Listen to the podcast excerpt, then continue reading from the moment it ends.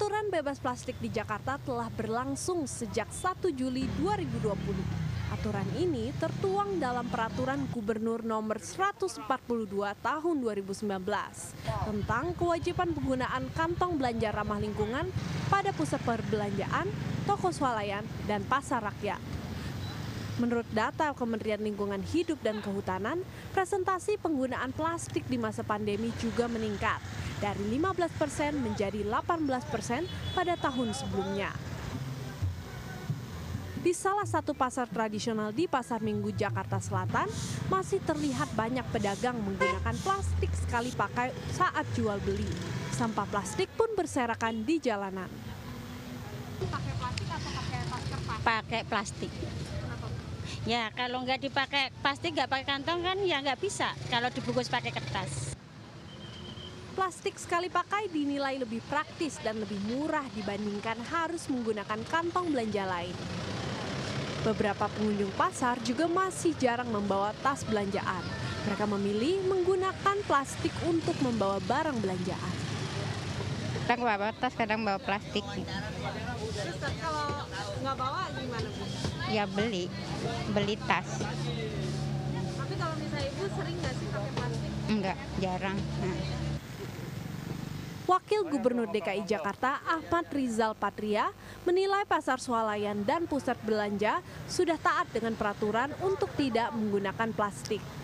Kantong plastik kan alhamdulillah kalau kita lihat data ya di pasar swalayan itu mencapai 100% sukses. Ya. Kemudian kalau di mall-mall itu bisa mencapai 90-90%. Yang memang belum sukses betul itu di pasar-pasar tradisional. ya. Masih kisaran 50-60%. Kita mendorong agar para pedagang, masyarakat agar terus membiasakan tidak menggunakan kantong plastik. Ya. Direktur Pengelolaan Sampah Kementerian Lingkungan Hidup dan Kehutanan, Nofrizal Tahar, melihat adanya perubahan perilaku terhadap penggunaan plastik di ibu kota. Namun, untuk Jakarta, butuh waktu lebih panjang untuk dapat bebas plastik 100%.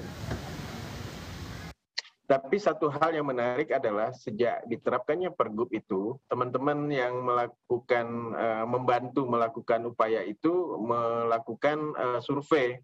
Terjadi sebenarnya penurunan 72% penggunaan plastik sekali pakai di eh, supermarket dan mal-mal dan pusat perbelanjaan.